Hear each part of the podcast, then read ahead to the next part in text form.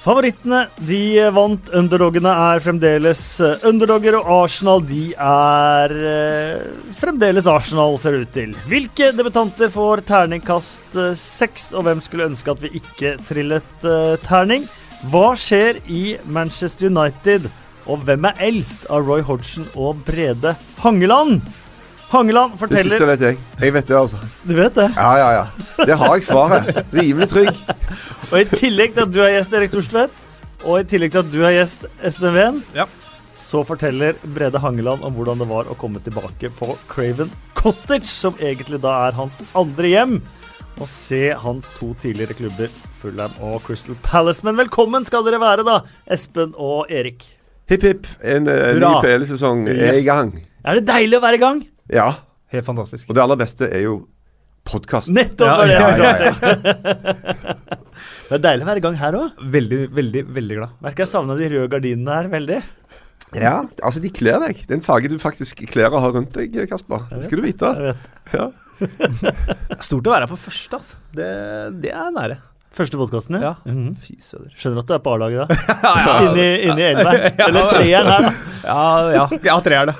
Eh, hva med å begynne der eh, Premier League starta, på fredag? Manchester United etter en eh, Jeg får jo kalle det en halvturbulent eh, sommer, og der man eh, José Mourinho iallfall ikke fikk de signeringene han ønsket seg, så klarte han i hvert fall å få poengene han ønsket seg. Paul Pogba, kaptein, eh, skåret på straffe, og Manchester United slo Leicester 2-1. Men jeg, jeg beklager til Manchester United-fans. Uh, skal vi begynne med hvor viktig det er å vinne, da? Du har jo lyst til å begynne med James Madison, har du ikke det? Nei, jeg har lyst egentlig til å begynne med, begynne med hele det der opplaget som kom etterpå, med Paul Ja. Pogba og, og alt det der. Men eh, vi, Ja. vi begynner på en sånn positiv note her. Eh, de spilte til tider bra. Paul Pogba var Ja. kaptein, og han var kjempegod. Eh, og Manchester United tok de tre poengene i en kamp som potensielt kunne være et bananskall. Ja, og så er jo ikke alt eh, hipp hipp heller. For etter en veldig veldig bra begynnelse, så gled det litt ut. Leicester eh, tok faktisk virkelig tak i det. Kjørte nedover venstresida si og var gode, altså. Eh, men så skrudde United eh, opp igjen. Eh, og eh, en brannfakkel i forhold til den matchen. Burde det være eh, et tidskrav når du skal ta straffespark? Altså, du bør, Det må gjennomføres i løpet av ti sekunder. Og Paul Pogba brukte lang tid på tilløpet. La oss si det sånn. Men det, når det funker, så er det jo kult. Ja. Når du bommer, så er det dritteit. Og Så- det sa du i studio Ja. og det sa Paul Pogba i intervjuet etterpå også. At eh, når man skal ha tilløpet, så burde jeg score. Hvem var den det. duden italieneren som var i, i West Ham? Sasa. Ja, ja. Sasa har jo det mest berømte tilløpet i, i fotballhistorien. Eh, og pga. at det gikk galt, da. Sant? Så Men eh, Og, han ble bytt, og Sasa ble bytta inn et minutt før slutt for å ta straffe i straffekonken. Ja, sant. Og, men Pogba har jo stålkontroll. Altså Det han gjør, er jo For han ser på keeper hele veien. Og når da keeper faktisk går til rett hjørne, så bare løfter han den opp. Og Når du gjør det, og, og greier det å ikke løfte den over, så er det et kjempebra straffespark. Og Det er det viktigste. Så er det også det så, altså Feiringen hans da var jo på en måte et sånt eh, tegn om hva som skulle komme etterpå, som du snakka om eh, situasjonen i Manchester United. Det at han ikke jubler mer enn han gjør og, og sånt. Og det syns jeg var sånn For United-fansen ville jeg være sånn oh, Hvorfor, uh, hvorfor jubler han ikke mer? Eh, tenker jeg, da. Mm. Ja, Bildet til kampen var jo da at eh, alle aviser skrev at Barcelona ønsker Pogba, at Pogba ønsker kanskje Barcelona. Mm. Eh, så svarer han jo på mange måter på banen med å levere en eh, veldig god kamp eh, med kapteinspinnet. Og så får han jo muligheten til å bare legge alt det der dødt etter kampen. Og svarer i stedet hvis jeg sier eh, det jeg har lyst til, så kan jeg få bot. Og da på en måte fyrer han mer oppunder det. Og Barcelona har jo fortsatt et par-tre uker igjen av overgangsvinduet uten at de måte heller velger å legge noe lokk eller demper på noe Nei, vi har 20 dager igjen av overgangsvinduet, sier de i Barcelona. Så det kan fort komme flere bud der. Jeg kan ikke tenke meg at United selger Pogba nå. Det ville vært veldig rart. Men Mino Raioli har vært i England i det siste, så han pleier å få det som han vil, agenten til eh, Pogba. Han pleier å få de pengene han sjøl vil òg. Mm. Det går vel rykter om at han fikk 150 mill. Mm. Bare for at Pogba gikk til United in the first place. Så får han vel kanskje noe lignende når du kikker han videre. Så eh, Men jeg tenker at ja, Barcelona må jo da mene at vi kan få noe ut av han som United ikke har gjort. Mm. Vi har en bedre trener for Pogba enn det Mourinho er for Pogba. For det han har gjort i United så langt, er jo ikke noe som skulle tilsi at han fortjener å få et lukrativt eh, eh, Gå videre til, til Barcelona, liksom. For at eh, han har jo selvfølgelig Det er ingen tvil om at han er dritbra på sitt aller beste. Men så går det jo opp og ned og veldig eh, eh, Mourinho har prøvd å peke på det som er grunnen. Nå I forbindelse med VM så syns jeg det kom fram noen bra ting. Det var at, vet du hva, Han var dritbra i VM, for han hadde kun fotball å konsentrere seg om. Da sier hun samtidig at ellers i livet hans så er det altfor mye rør. Han har ikke, har ikke fokus nok på det han skal gjøre, og derfor presterer han ikke bra nok. Um, så kan en spørre ja, men er det en sånn type personlighet Pogba er. Vi må akseptere at ting har utviklet seg. Tidene er annerledes nå. Fotballspillere er ikke nødvendig sånn som de var før. Og dette med sosiale medier, dette med alle disse greiene, det er en del av hele pakken. Det må du bare ta. Men, eh, men spørsmålet er om, om Pogba har det i seg, da. For han er jo en litt sånn så, Ser han på banen òg. Han er jo en litt sånn fyr som liker å ja, kose litt, være litt arrogant, leke litt med motstanderen av og til, da. Og, og det er jo på mange måter kult og fint, men det er også samtidig et tveegget sverd. For hvis det blir veldig mye av de greiene der, så glemmer du å være en, en effektiv, god fotballspiller oppi det hele. da. Men Kapteinspinnet, kan det være en uh, nøkkel på en måte til både at Pogba føler seg verdsatt, må ta det eh, ansvaret han skal? Uh, og er det fair at han tjener mye mindre enn f.eks. Alexis Sanchez?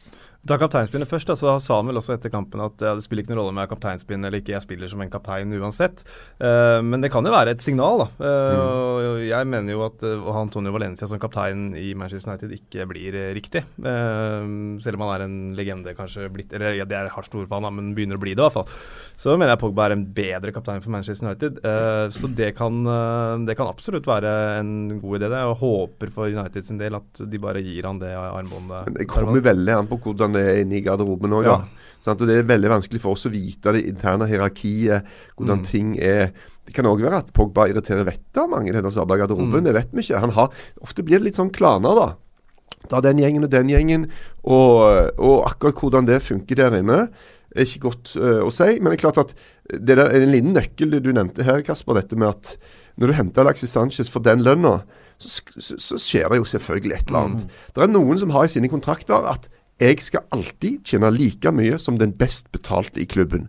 Så med en gang det kommer noen og tjener sinnssykt mye, så blir det bare jekka opp. Som Pog- Terry var vel den første som fikk den Ja. klausulen. tror jeg. eh, Pogba har jo sannsynligvis ikke den. Og da sto jo nå uh, uh, Jeg tror det er troverdig hvor mye Alexis Sanchez tjener. Det er altså 389 000 pund i uka. Hver gang han går utpå og spiller en match for Man United, så tjener han 70 000 pund for hver match. Og i tillegg så får han en årlig sign-on på 1,1 millioner pund. Det er ganske heavy, altså. Og eh, han var jo en perfekt forhandlingsposisjon når han gjorde denne dealen. Eh, men kanskje da det, på, altså, det blir en dominoeffekt, da. Da er det en del andre, som Pogba og, den gjengen der, som òg er verdensmester. Han ser på seg sjøl som toppen av kransekaka. Og han syns det er rart at eh, han andre får mer enn han. Eh, Mourinho har jo da Det har blitt hans bane i et par andre klubber at han har tatt uh, konfliktene med spillerne. Uh, og det virker jo som han har gjort Mm. det også i, Manchester United. Men når du da tar take on for mange spillere, da er du nødt til å tape til slutt. Er det, er det sånn det er? Han har gjort det til nå, da. Så, og han har jo han har jo ikke, det er Kjærlighetsforholdet mellom han og supporterne er jo ikke veldig sterkt sånn som det er akkurat nå. Selv om jeg mener å ha hørt det på tribunen at det var en del sånn José Mourinho-chance men- og sånn. Så, men, men jeg tror at spillere som Pogba og sånn egentlig er viktigere for United-fansen enn Mourinho som manager. da. Men blir han litt ure... Jeg mener kanskje han blir litt sånn Det er litt urettferdig òg, da, når man ser situasjonen han er i òg. Han har vist at han er en eh, sabla god manager. Han har slått Manchester City borte forrige Mm. sesong, han slo Liverpool. Eh, han kan eh, tyne fram de resultatene der, da. Eh, havna på andreplass i Premier League. Manchester United det svinger mer av Manchester United nå enn noen gang under Moyes eller Fahal. Mm. Gaal. Eh, vunnet trofeer. Eh, og han har ikke den samme backinga eh, som Pep Guardiola har med sin sportsdirektør på signinger. Eh, som Klopp har med sin sportsdirektør på, på å signere spillere. Så, så skjønner man jo kan, Det er også lett å forstå frustrasjonen til Mourinho, så lenge han kommer med sine ønsker om Alderfreld, mm. Maguire, andre, og de sitter på toppen i Manchester United. Og Ed Woodward virker kanskje mer opptatt av eh, markedsinntekter eh, enn å levere de spillerne som mm. Mourinho vil ha. Skjønner du frustrasjonen der? Jo, men, men samtidig er det helt riktig at en klubb ikke gir en manager carte blanche Sant? Det må være et, på en måte en struktur. Man tenker at Mourinho har jo ikke vært lenge i noen klubber, han. Han forsvinner jo. Og han har jo kjøpt en haug med midtstoppere i det siste. Og skal vi blåse en haug med penger på noen som ja, de fleste andre da mener er ikke bedre enn de vi har. Og det som Signalene var ganske interessant å se hvordan Woodwood fikk satt ut sin side av saken. da. Mm. For det kom jo etter transfervinduet. Sånn er det det vi tenker. Mm. Og jeg syns ofte at klubbledelsen får altfor mye tyn, fordi at fansen vil bare ha mer, mer, mer. Og managerne står der og snakker med pressen hele veien, og får gitt ut sånne små drypp som Mourinho gir mm. i forhold til sin situasjon. Og jeg syns det er veldig bra at òg klubbledelsen sier ja, men sånn tenker vi. Og det virker ganske fornuftig. Han har kjøpt midtstopper for mye penger. Hadde, hadde Varan vært tilgjengelig for over 100 millioner eh, pund, hadde vi bare betalt glatt. Ingen problem. Men vi kan ikke drive og kjøpe sånne som er sånn stopp fiks for de neste par mm. ukene. Og så er de i lengden ikke bedre enn det vi allerede har, og det Mourinho faktisk har kjøpt. Han har mm. sagt 'jeg vil ha Bailly, jeg vil ha eh, Lindeløv'. OK, vær så god, her er de. Og så skal han ha enda mer og enda mer. Mm. Så, men det er klart at det er ulike måter å se det på. Jeg tenker at Hvis Man United skal utfordre City med det forspranget som de hadde, så må de tenkte liksom, nå måtte de hatt et supert overgangsvindu. Og det hadde de jo ikke. Så, så, så, sjansen for at de skal ta igjen City, føler jeg er jo relativt liten, da. Men, men Woodward sa jo også det til uh, både samarbeidspartnere og styret i var det i mai, eh, på et møte der, at hvordan vi gjør det sportslig, har egentlig ikke så mye å si for hvor mye penger vi tjener. Eh, og det, for han så er fokuset mm mer på inntjening og sånt. Det tror jeg er helt feil. Og den, jobben, er, og den jobben er lite, like enkel uansett. Ja, men jeg tror det er feil. For det, man, for det man sier det han sier der, så betyr ikke det at han driter i det sportslige. Det betyr bare at det han sier er 100 korrekt. Det er en maskin som er helt uovertruffen. Altså, de har eh, de, men derfor, men skjønner du ikke da den som er sportslig leder for dette her, José Mourinho, ja. hans frustrasjon, da. Når ja. det er signalene eh, fra vedkommende som skal gjøre businessen over han. Ja, men det, det, er jo sant. Altså, de har, altså, Man United offisiell Eh, har offisiell gressklipperoljesponsor i Burma. Altså, de, de har satt sitt merkenavn på absolutt alt, altså. Det er helt sinnssvart. Og den maskinen ruller og går uansett. Men, eh, eh, men når det er snakk om å, å, få en sportsdirektør i Man United, da Og det tror jeg er et bra mm. move. Det har de jo ikke. Så det, det, kunne vært en bra greie som en slags link imellom, da. Mm. For nå virker det kanskje som om det er litt sånn stor avstand. Men jeg, jeg, tror likevel at Man United kommer til å ansette en sportsdirektør eh, Ikke som i Man City, der alt er bare en skikkelig eh, hellig treenighet eh, med eks-Barcelona-folk og liksom alt det. Men, men, eh, det blir nok en som òg eh, satt der for å holde Mourinho litt i, i, i tøylet. da. Så Om han er villig til å jobbe, og hvordan han er villig til å jobbe med en sånn fyr, det er jo litt usikker. Skåringen til Luke Shaw. Han ble eh, matchvinner. Han har vært eh, blant eh, de mest utskjelte, og han har hatt det selvfølgelig utrolig tøft. Både fra han kom til Manchester United med en prislapp, ikke klarte å leve opp til forventningene. Hadde et fryktelig beinbrudd og prøvde å jobbe seg tilbake. Mm. Der har sett ut som han har vært litt på dypt vann noen ganger, og mye av det har vært kanskje pga. selvtilliten, og så får han matchvinnerskåringen. Det et fantastisk øyeblikk, eh, spør du meg. Jeg tror knapt det finnes et menneske i hele verden som gikk unna det. Grein, grein, du, Kasper? La meg passe på deg. Nei, jeg gråt ikke. Jeg gråt ikke. Men, Men hvis jeg skulle grått for noe sånt, så ville, så ville, det vært det. Ja. For det syns jeg var helt fantastisk nydelig. For dere er jo litt sånn uh, Like? Litt, litt sånn halvtjukke? Nei, ja, litt bygd. Jeg vil si at du, Luxio, har en ganske lik kropp, da. Og han innlemmer jo Wayne Rooney òg i den greia. Han sier, Så dere tre er på en måte kliss like. Tungtrente. Ja. Nei, men det var jo Altså, i den uh, matchen så Luke Shaw var Jeg syns Luke Shaw var god lenge. Eh, og så uti andre omgang der så hadde han en sånn derre fem-ti minutter hvor ting ikke stemte. Og så tenkte jeg bare nei, nei, nei, nei, nei, nei, nå går det gærent igjen. Feilpasninger, bomma litt på noen taklinger og sånn. Og så får han den uh, scoringen. Og du så så mye det betydde for lagkameratene også. Og, og Mourinho! Og Mourinho, det var også Ja, veldig gøy å se. Og det det, og det er jo altså, si at De aller fleste unner han det, selvfølgelig gjør det det, men, men United-fansen har også backa Luke Shaw i stor stor grad og ønsker å se han lykkes. da, så Det jo var en kjempeboost eh, for Luke Shaw og for, for hele klubben, egentlig. At det var han som fikk den matchvinnerskåringa der. Så har han jeg må jo si det, han har hatt noen rare uttalelser òg, Luke Shaw. Men det er lett å sympatisere med Luke Shaw. Syns han er en dritfin fyr og ønsker han alt godt. Men underveis har han hatt litt sånn Ja, kanskje jeg kunne stått på litt mer eh, What? Man United! Ærlig talt, få ræva i gir, ass.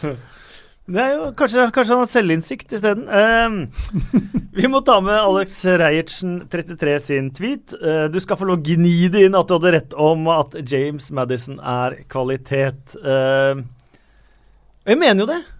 Man ser jo at noen spillere har ferdigheter som eh, kan lykkes på ethvert uh, nivå, og så er det for tidlig å si etter én match på Old Trafford. Men Mm. Eh, han så da ut som han tok det nivået også ganske greit. Ja, syns han uh, satte litt skrekken i United-forsvaret. Når Leicester begynte å komme der og ser ut som en spiller som uh, han og Vardy, det kan bli, uh, kan bli veldig gøy. i Og Leicester. DeMari Gray. Og DeMari Gray. Jeg tror Ja, han kom mot en fantastisk sesong. ja. Veldig hangup du har på han, da. Ja, men jeg tror det, Og uansett hva, hva spørsmålet er, så kommer han med DeMari Gray. Jeg har, vent, ja, men jeg har venta på han så lenge. Jeg husker jeg Ja. ble så forelska da han var i Birmingham og tenkte yes, Premier League, nå kommer det til å bli superbra. Så fikk han aldri plass på et, en elver som aldri bytta. Ja. Eh, og så var han nesten gjennombruddet forrige sesong. Denne sesongen kommer det. Også han eh, nye på eh, på høyresida òg. Uh, Ricardo Pereira. Ja. Ja, Det tok litt tid før han kom. Det var venstresiden som dominerte veldig. Mm. Så han var litt forsiktig i begynnelsen. Ja. Men når han eh, Ja. tenkte at OK, Mm. I'm gonna go for it. Så, men James Madison ser ut som en Det er et kompliment som en Man City-spiller. Ja. Han ser ut som han Ja. kan bare gå rett inn på Man City og vært en 100% integrert del av den der offensive greia der Mm. med en gang, altså. Og så er jeg litt sånn for å Litt rart i intervjuet etter match. Uh, I'm a winner uh, and a team player. Altså Hvis du må fortelle omverdenen at du er en vinner, så tenker jeg uh, Er du da egentlig en vinner? altså, I'm a winner? Ja, eh, Han var ikke det forrige sesong, men Norwich hadde antageligvis nesten rykka ned uten han. Eh, Så mm, Men så, ja. Jeg, jeg håper at han eh, gjør det bra der. Virker som en eh, ok fyr og, og en god fotballspiller. Uh, Newcastle uh, de uh, liga åpnet med mm, protester utenfor, protester på arena, protester hele uka hjemme mot uh, Tottenham.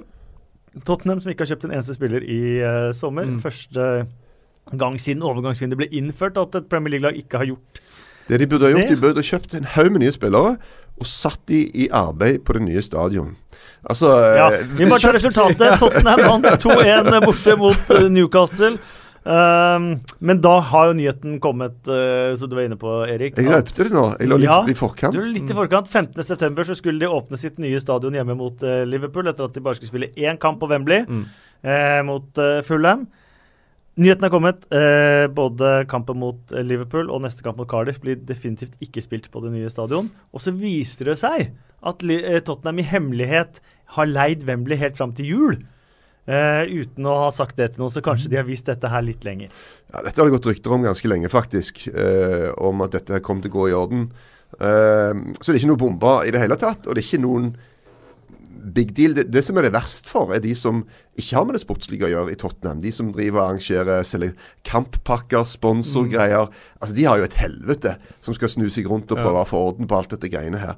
Men for laget så er det ikke noen big deal. Det er jo faktisk Wembley som er hjemmebane akkurat nå. Så det blir bare noen flere matcher der. Ehm, så og jeg må jo at jeg var litt sånn bitte skeptisk til hjemme mot Liverpool i første match på ny stadion. Kan ikke det bli litt nedtur, da? Møte den der gjengen der som bare fyrer på alle sylinderne. Er ikke bedre å ta Brighton eller et eller annet sånt? Så vi får se hva som blir første match da, da.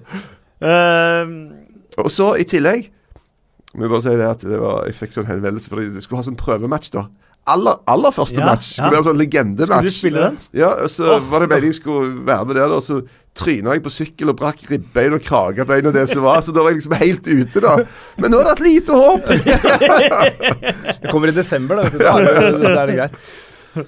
Harry Kane har eh, 14 Premier League-kamper i august. 988 minutter har han spilt. Aldri skåra mål. Eh, er det egentlig sånn at eh, man bare burde la han hvile hele august, eh, så han kommer sånn superuthvilt og supertrent i september? Sett inn på Vincent Jansen, så skårer han masse mål i august. Ja, kanskje han er Ja, for han er der fortsatt, Det, det glemt det hele- ja. past, altså. Hele preseason så har jeg snakka om ja, det har de noen erstatter av Jorente. Så har jeg helt glemt Vincent Jansen. Ja. Ja. skoen. Han er jo der! Ja, ja, Ja. Vincent Jansen er der. Ja. Han er det, altså. Men, Tenk om han bare er verdens Hans beste augustspiller. Ja, ja, ja. men jeg, jeg bitte litt sånn Vi har jo lært oss at OK, Harry Kane han kommer uansett, men akkurat nå så er jeg litt sånn Ser ikke bra ut, ass. Og da inkluderer jeg VM, der han ble toppskårer, og de siste månedene uh, siste kampene i, av forrige sesong. For uh, han hadde jo en skade som Ankelskade som visstnok skulle ta seks uker å, eh, lege. Mm. Og så var han tilbake til tre. Og så uh, gønner han på, sånn som han alltid gjør. Vil spille uansett. Og så eh, ser vi litt på hvor mye avslutninger han kommer til. Vanligvis så bare fyrer han jo løs i hytt og pine. Masse avslutninger. Gått kraftig ned. Mye mindre avslutninger eh, på slutten av forrige sesong. I VM var det nesten ingenting. Han skårte jo på nesten altså tre straffer. Et skudd som traff han i hælen, og så et par i første match der. Eh, og nå òg så er det jo det er ikke den han, han virker Han er jo ikke superrask. Virker litt sånn alt går i ett tempo. Ikke helt på hogget. Så han, eh, han trenger å komme i form. Jeg har meldt at han kommer til å score i august denne sesongen. To sjanser til, er det ikke det? Jeg tror han kommer til å score. Det kommer. Paul Trafford. Han har jo heller aldri skåra på somrene. Eh, verken i U21-EM eller i AV-EM eller noen ting, så skårer han jo mål. Eh, Men den vi, barrieren har han brutt nå. Ble Ja. i VM. Mm. Han kommer til å score i august. Det er meldt her nå. altså, har det noen gang vært en, en mer halvslakk toppskårer i et VM? Du hadde vel gjerne Var det i USA? Salenko skåra Ja, ja, ja, USA skåra der. fem der. Ja. Det, men, og han skår, det ble, men han skåra seks til sammen. Han Ja, ja. skåra ett ja. mot Sverige, tror jeg. Mm. Mm. Uh, Newcastle, da? De så bra ut. Altså, Syns jeg, da. Altså, de hamra jo løs og traff jo tverrleggeren hvert tredje minutt der og Men det var, Det er vel muligens en overdrivelse. Hver tredje Ja, ok, ja, vi- Altså, tenker vi du gjennom matchen totalt sett, da, eller? Nei, Høydepunktene, i hvert fall. Men Mike Ashley, da. Han eh, gikk eh, i netto overskudd på overganger. Vel 20 millioner pund i overskudd på overganger. Eh, lot deadline day gå. Kjøpte House Kjøpte House of Racer for 90 millioner pund dagen etter. Ja, takt og tone. Jo da, men det har jo ingenting med hverandre å gjøre, da. Nei, Det har noe med hverandre å gjøre. Nei, altså vet du hva altså, eh, Det er en sånn greie Det er lett å hate Mark Ashley Han gjør det enkelt for folk Men det er klart at det er ikke noe problem for han Å komme opp med noen regnestykker stykker s- Sitter og hører på Alan Shearer som sier at Ja, men Og så hadde han vel 1,1 milliarder eh, Fikk han vel fra Premier League eh, For sesongen og, Ja, men fuck Altså, de har jo Ting skal gå rundt Han har jo store utgifter også da Sant? Og bare det der krangelen Jeg synes det er en sånn eh, bare sånn lite eksempel. da. Denne kontrakts, eh, unnskyld, bonuskrangelen som var forrige uke. De nekter å stille opp på pressebilder, inviterte til åpen dag for pressen. Nekta å si noen ting som helst. For de hadde en bonuskrangel med Mark Ashley. Hvor mye skal vi få? På toppen av lønn. Ja. På toppen av lønn. Og den samme greia hadde de da eh, sesongen før. Og det endte opp med at de får 150 millioner på deling. Altså 150 millioner kroner. Ja, ja. Sant? Det er ganske mye penger, da. Og det kommer liksom på toppen av alt det andre, da. Så jeg tror at eh, Klart, med regnskap så kan du trikse og mikse, men, men eh, det er Mark Ashley kan komme opp med gode greier, eksempler. Faktisk så vil jeg si det, da. Det var jo en, et parlamentsmedlem fra Newcastle som stilte et parlamentarisk spørsmål der hun mente at staten måtte stoppe Mark Ashley. At det var en for dårlig eier for en klubb som Newcastle. Og han svarte jo på dette her. Og han har ingen problemer med å bare bang, bang, bang, bang, bang vise til status for klubben. Hvordan ser det ut? Hvordan er klubben drevet? Klart at de kom på tiendeplass. Ok, det er gjerne Benitez sin fortjeneste, men likevel. Altså, eh, Newcastle er ikke noe vrakgods. Nei, men hør nå, da. Eh, han har Sports Direct, som er hans. Eh, det er antageligvis blant Englands dårligst betalte ansatte, eh, de som jobber der. Eh, Sports Direct pryder rundt hele St. James' Park, eh, noe som et eksternt eh, firma, eller hva, du kaller det, eh, ville måttet betale en haug av penger. Det ligger masse eh, pund i verdi det å ha Sports Direct overalt. At han har alle avtaler med klubbshoppen eh, på sitt eget eh, firma. Sånn som han egentlig Rangers-fansen er jo like sinte bare pga. draktavtalen de har med Sports Direct, hvor han tar alle inntektene fra all, eh, all eh, draktsalg. Mm. eh, de andre klubbene klarer jo å ligge i netto minus på, på å eh, investere i spillere. Det var bare Newcastle en klubb til som gikk netto pluss dette overgangsvinduet. Eh, Det er mange faktorer her som gjør at det er veldig lett å forstå at fansen er rasende for investeringene som blir gjort. Altså det, det opplegget her må jo avsluttes. Han må få solgt denne stabla klubben, for det forholdet der er ødelagt. Eh, og så er det en sånn greie, da. De, han holder jo ut, for han vil ha mer penger enn noen andre er villige til å betale. Så da er, henger de jo bare der og dingler, da. Og det er jo eh, dritt, for å se det rett ut. Eh, og, men, men en annen ting. altså eh, Benitez, da, som alle elsker, eh, vil ikke skrive en ny kontrakt. Og alle lurer på ja, men hvorfor er han der? Hvorfor har han ikke bare gått for lenge siden? Han må betale Mike Ashley 6 millioner pund hvis han stikker fra jobben. Og det betyr bare én ting. Han tjener grisegodt i utgangspunktet. Ja. Men det er jo helt naturlig når du Ja. får en av Europas best, mest meritterte Ja, ja. spillere. Ja, og det men- må jo være en kjempemulighet for Ashley og Newcastle også, når du først har fått et sånt navn som Rafa Benitez, at dette kan være muligheten vi har til å få lokka til oss spillere fra en annen hylle enn vi egentlig har pga. manageren, eh, til å kunne bygge et lag som faktisk kunne bli så stor som Newcastle er. Eh, men det er jo en mulighet som ser ut til å bli skusla bort, da. Men, men det gir han jo en sjanse, Mark Ashley, til å skyve på et eventuelt salg til det kommer inn et høyere bud. For han vet at sjansen for at Benitez er der ut sesongen, den er ganske stor. Ja. Sant? Så da har han denne lille isen i magen, da. Så eh, det blir veldig spennende å se på fortsettelsen. Men det kan ikke fortsette sånn. Det går ikke. Det er jeg helt enig i. Uh, Huddersfield de uh, ligaåpnet hjemme mot uh, Chelsea. Tapte 0-3, i motsetning til forrige sesong, da de knuste Crystal Palace på Sellers Park. De avslutta forrige sesong med én seier på sine siste ni kamper. Det ser ut som en nedadgående spiral. Men Chelsea de spilte til tider Sarri-ball med sin nye manager Sarri på uh, benken.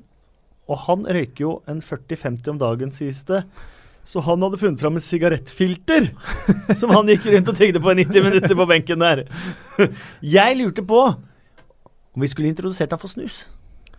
Ja, det var jo en eh, svær greie i vinter, var det ikke det? Med snus i England. Det er jo i omløp Ja. hos eh, Premier Mm. League-spillerne. Mm. Så det er Ja da. jo Det måtte vært ideelt faen. Neste match er det bare å ta med seg et eh, assortert utvalg av poser, og så introdusere han, får vi se. Hva er galt med den gode gamle camfordropsen? Comfort Drops, Ja, ja kongen av Danmark. Dette er jo litt for litt eldre folk, sånn som meg og Sari, da. Sant? Vi er vel ca. jevngamle, tror jeg. Så ja, kanskje noen mokkabønner, da, bare for hvis det skulle bli en seier. Kremtopper. ja. det var fint. Uh, Jorginho uh, med en eh, kanondebut, men uh, Ngolo Kanté i en uh, litt ny rolle Mm. og med mål. Dette ser ut som match made in heaven. Det gjør det. Eh, de feier framover, og de har jo masse å by på videre også. Eden Hazard kommer vel inn. Eh, han, skal, målet. ja, han skal inn der og, og spille etter hvert. Så det er klart eh, det er sånn, og Sverige har ofte starta dårlig. Nå starta det jo veldig bra i den første seriekampen, men samtidig de var jo litt på dypt vann mot City i Community Shield. Ja Så da, det det er- var jo klasseforskjell. Så det er tidlig å, Ja.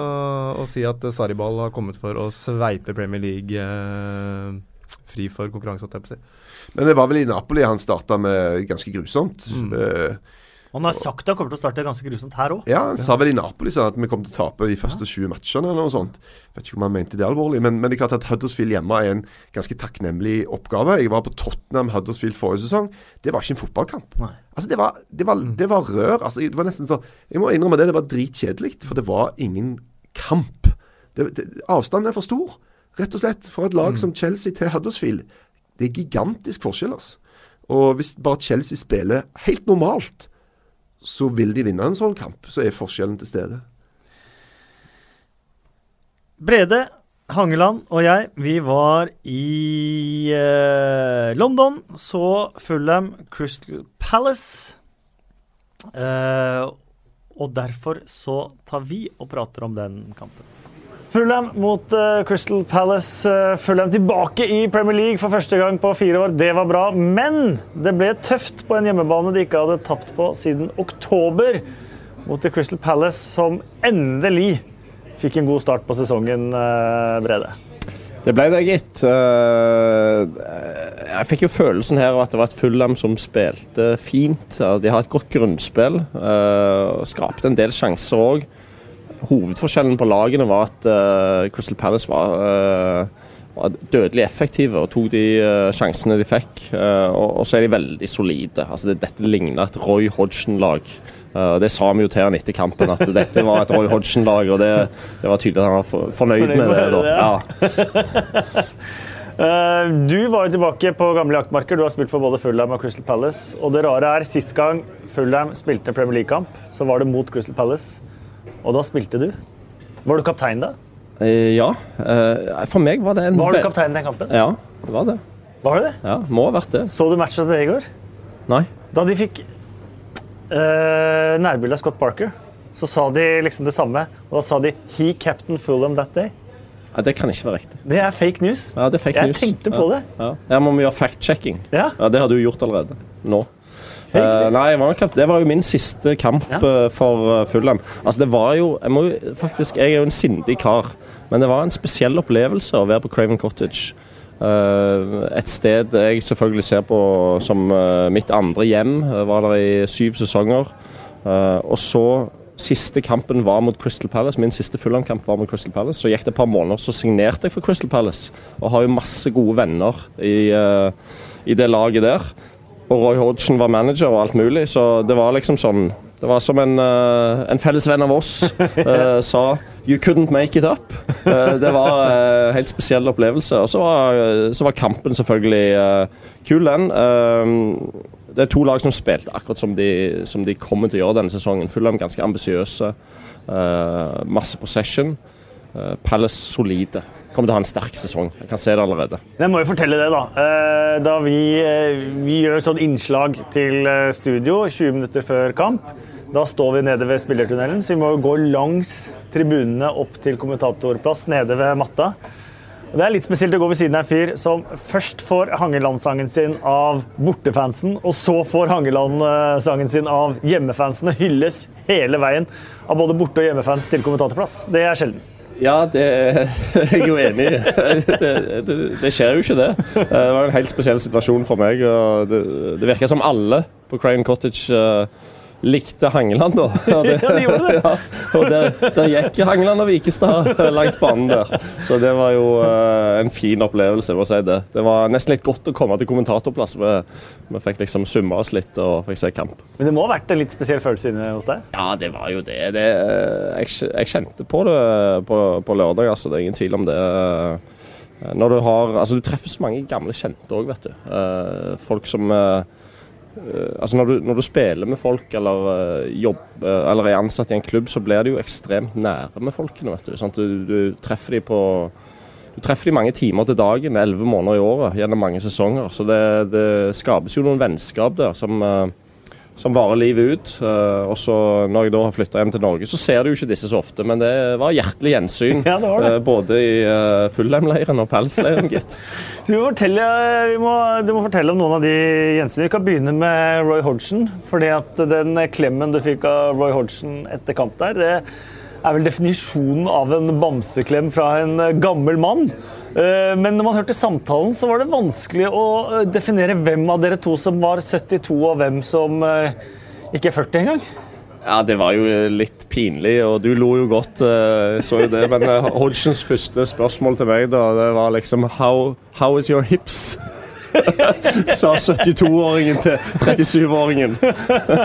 og det var jo et helt relevant spørsmål, det. Men uh, hoftene er jo bedre enn de var når jeg ga meg med fotball. Det var jo derfor jeg egentlig la opp for uh, et par år siden. fordi uh, det, var, det, gjorde for vondt i kroppen. Men uh, dette husker jo gentleman Hodgson selvfølgelig, og han minna meg òg på, for det var utrolig hyggelig.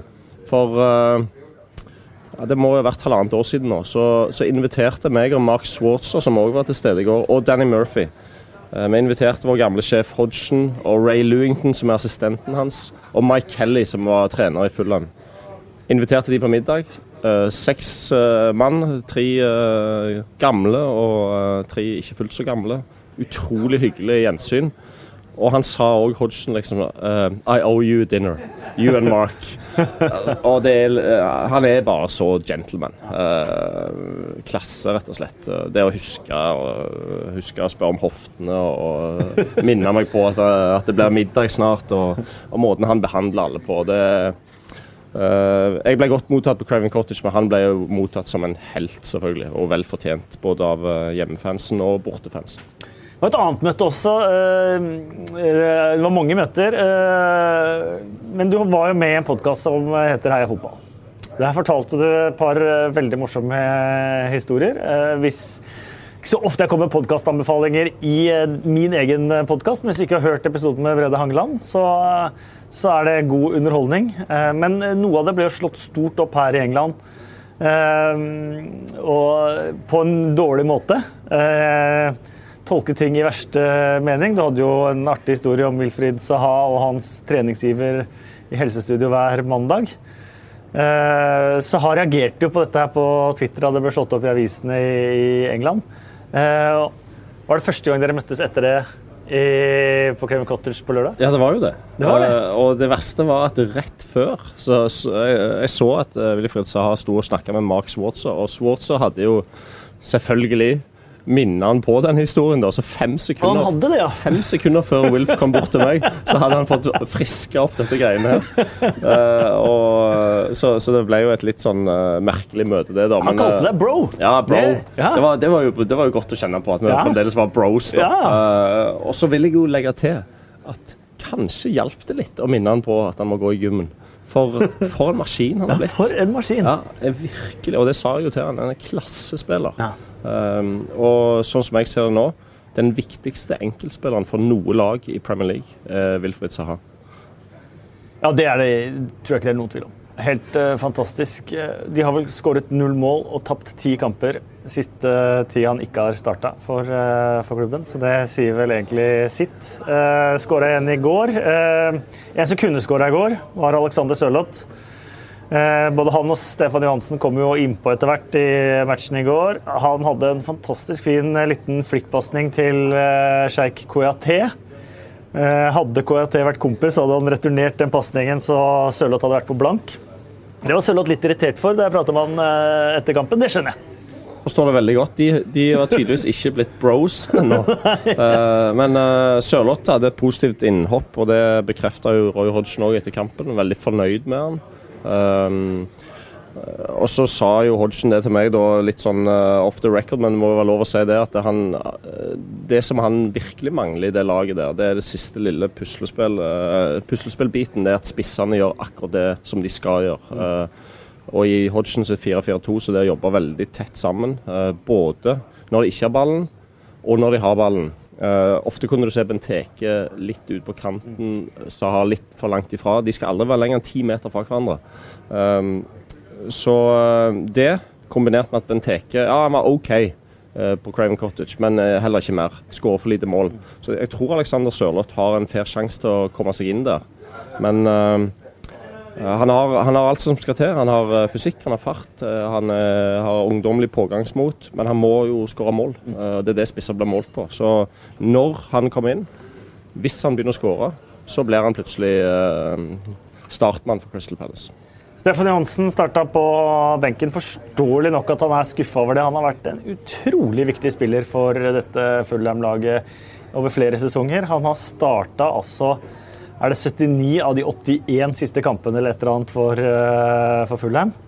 Uh, og så blir det raka i serieåpningen etter at de har kjøpt spillere i hans posisjon. Uh, men hvis man skal se på matchen i går, syns jeg Kevin McDonald kanskje flytter beina litt seint. Det er helt ulikt når oppspillet kommer fra McDonald enn når det kommer fra Jean-Michael Seri, som jeg syns var veldig, veldig god. Og jeg ser at det er en plass til Stefan Johansen i det laget.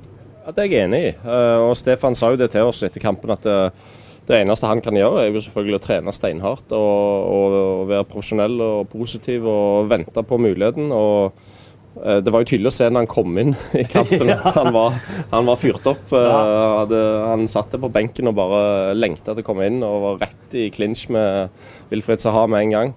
Så Stefan kommer til å reagere på den situasjonen akkurat sånn som en skal. Uh, og så uh, er det jo sånn at folk kommer med en, med en, prislapp, og de har vel kjøpt to mann direkte konkurrenter til han for et par hundre millioner per signering. Så, så det er jo et tøft utgangspunkt. Men så går det noen uker, og så er alt dette glemt, og så konkurrerer alle, alle på like vilkår. Og da tror jeg Stefan har en fair sjanse til å kjempe seg inn på Fulham-laget. Vi kritiserte Mike Dean uh, for ikke å gi André Schürle straffespark. Vi roste han for å gi uh, fordel. Uh, men jeg vet ikke om du la, la, merke til det. Jeg la ikke merke til det selv heller. Det var egentlig fotograf Paul Skåtun som, som ga meg heads up på det. Etter at Palace scora Eh, så var det flere som liksom var bort på McDean og så blunka bort til han og ga han tommel opp. Og han var ordentlig fornøyd sjøl også med den fordelen han hadde gitt.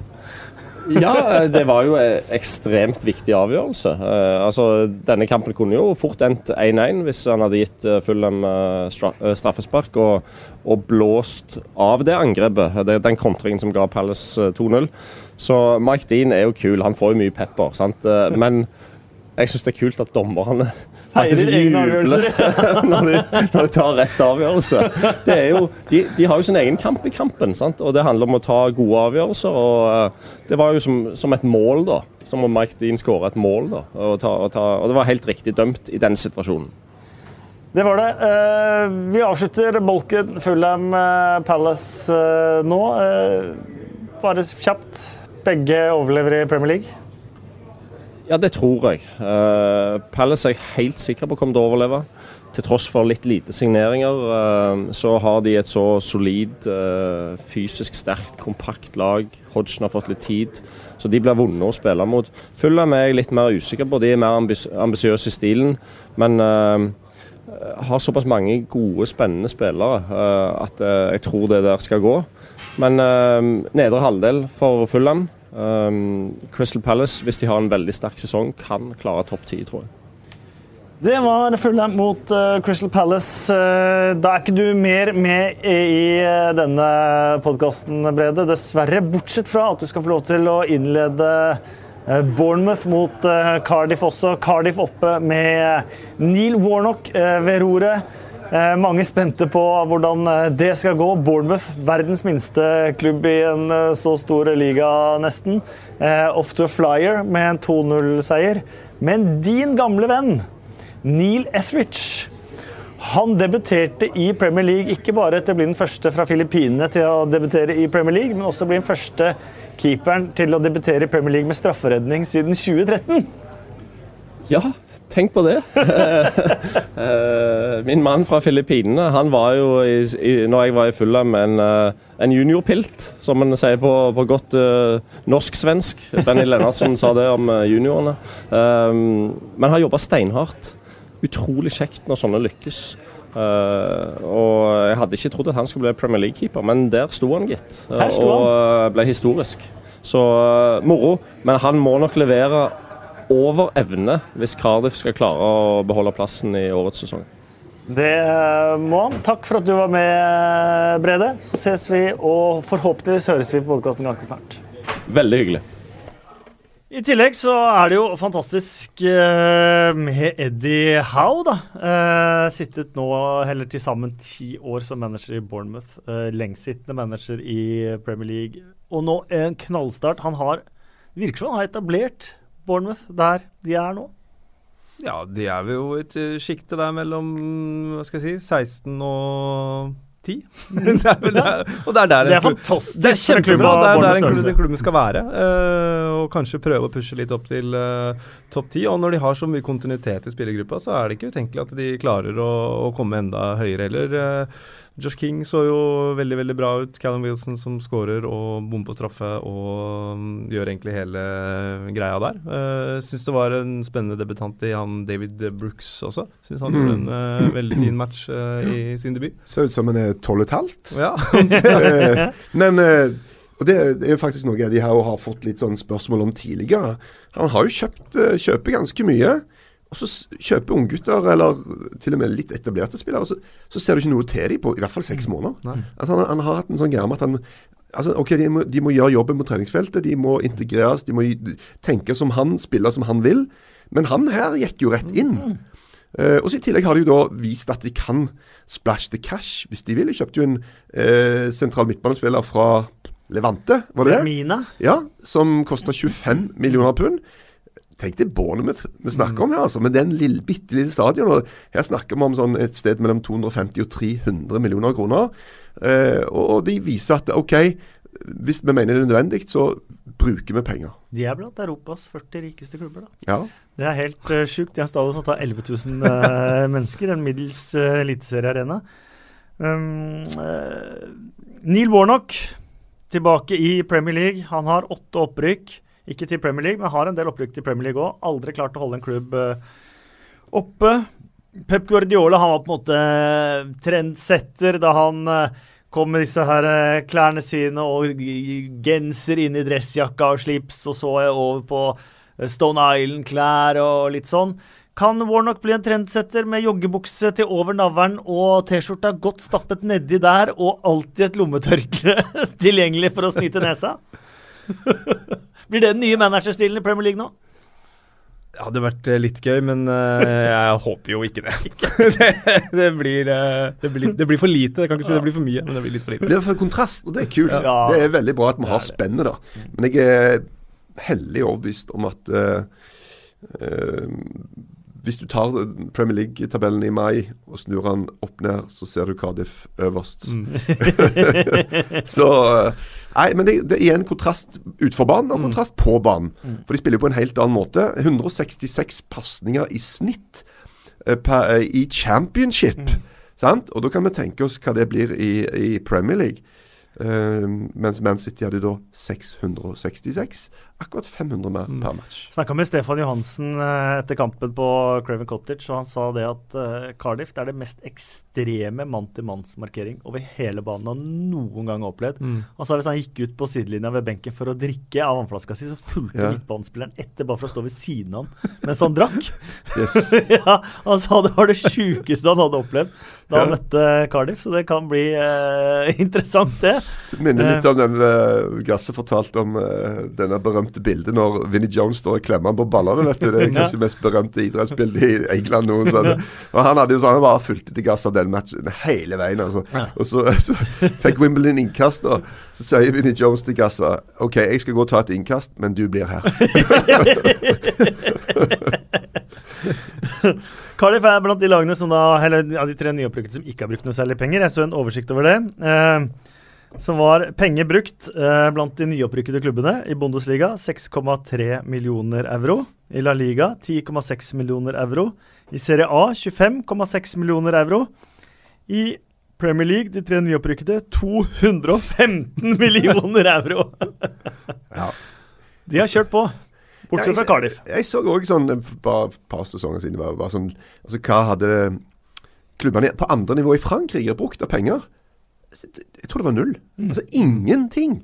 Mens Championship, da sant? Til og med der er det jo litt gryn. Mm. Hva de hadde kjøpt for.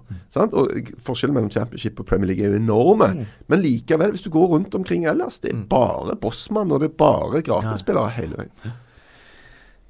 Liverpool de er av uh, noen få nevnt ja. som uh, ligafavoritter. Uh, jeg rekker opp hånda, for jeg hadde de på toppen av mitt uh, tabelltips. Tror jeg kanskje var den eneste TV 2-redaksjonen som hadde det, så det blir spennende ja. å følge. Alle ler av deg bak ryggen din, Kasper. Du, ja, alle ler av deg bak ryggen. Jeg skjønte, men jeg skjønte, det er ikke bare pga. tabelltipset. Men hvem ler sist?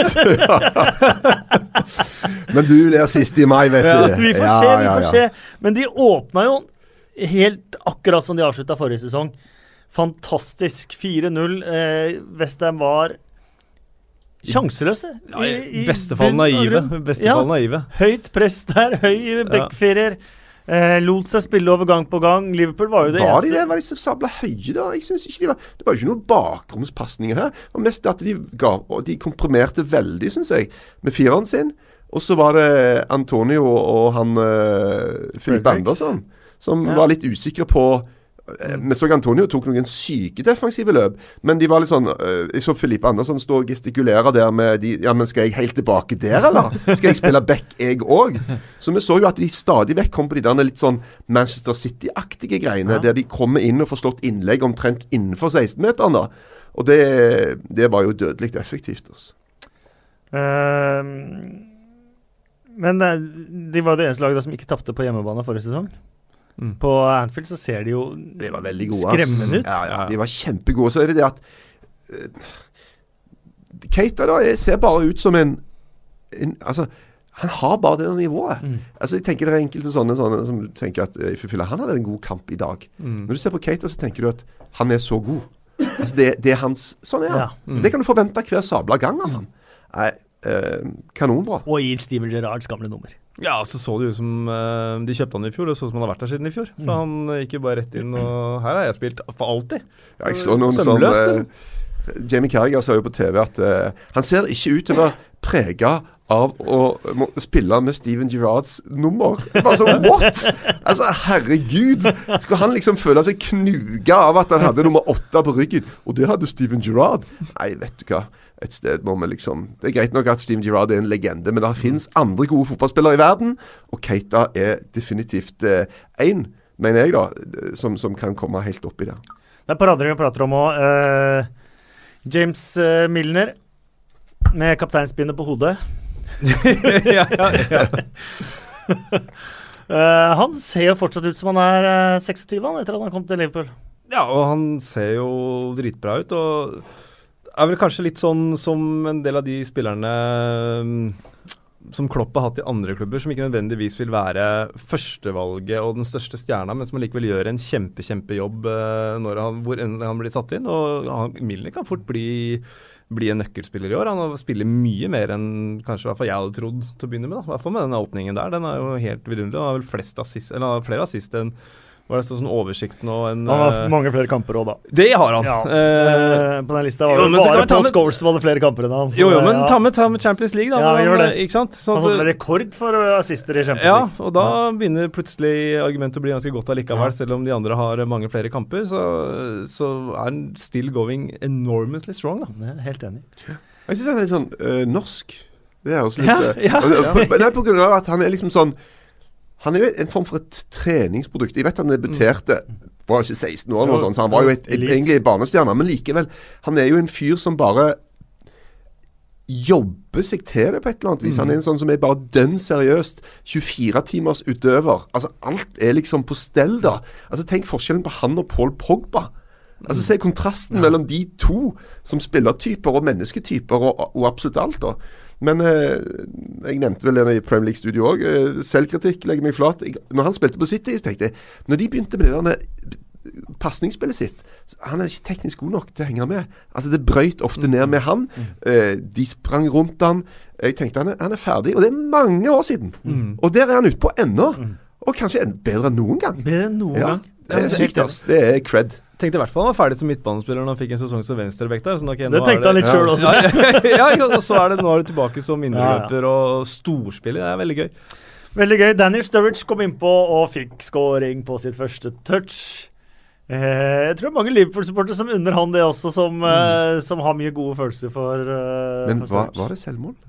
Hæ? Jeg, var det selvmål? Jeg er bitte litt usikker, jeg, altså. Ja, Skal du ta fra den fra Sturridge? Ja, men det er det som er litt sånn jeg, jeg, Nei, er hjertet ditt lagd av stein? Nei, altså det er det som er greia. Du føler deg som en ond person når du bare kan liksom, Men det kan godt være at det faktisk var det, ass. Ja, så var det, var nesten som at du fikk ikke nok bilder på det til å avgjøre. Bare sånn, ok, uh, ja, to, to, to bilder, men det er greit, Ja. det er. Herlig scoring av Daniel Sturridge. Ja, ja, ja. Hans første touch. Ja. Um, Ferdig inn til Klopp der, da. En uh, dobbeltvariant. noen, som, noen som har noen tanker om den? Ja, den uh, går jo sin seiersgang, den.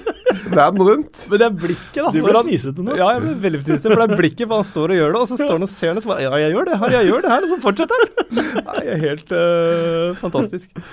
Um, eh, Liverpool ser god ut.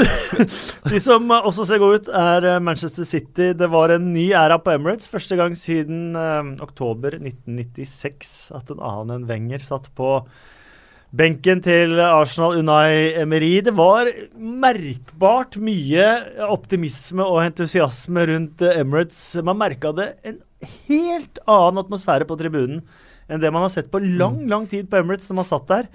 Ehm, virkelig. Og Men varte det lenge? Nei, det gikk litt brodden ut etter 13 minutter, da. Ja.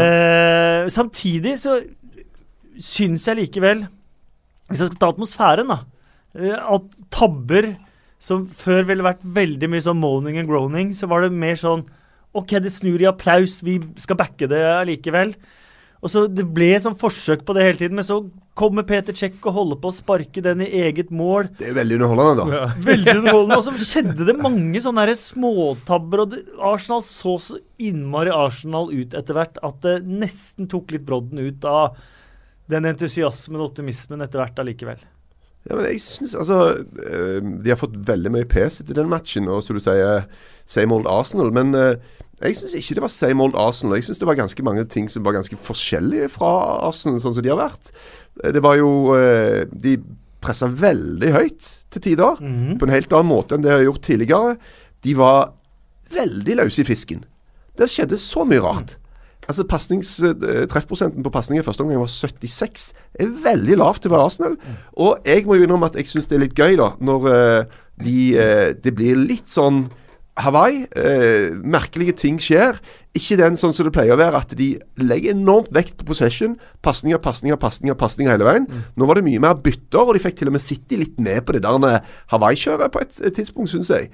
Um, og, og så var de De hadde en del sjanser, altså.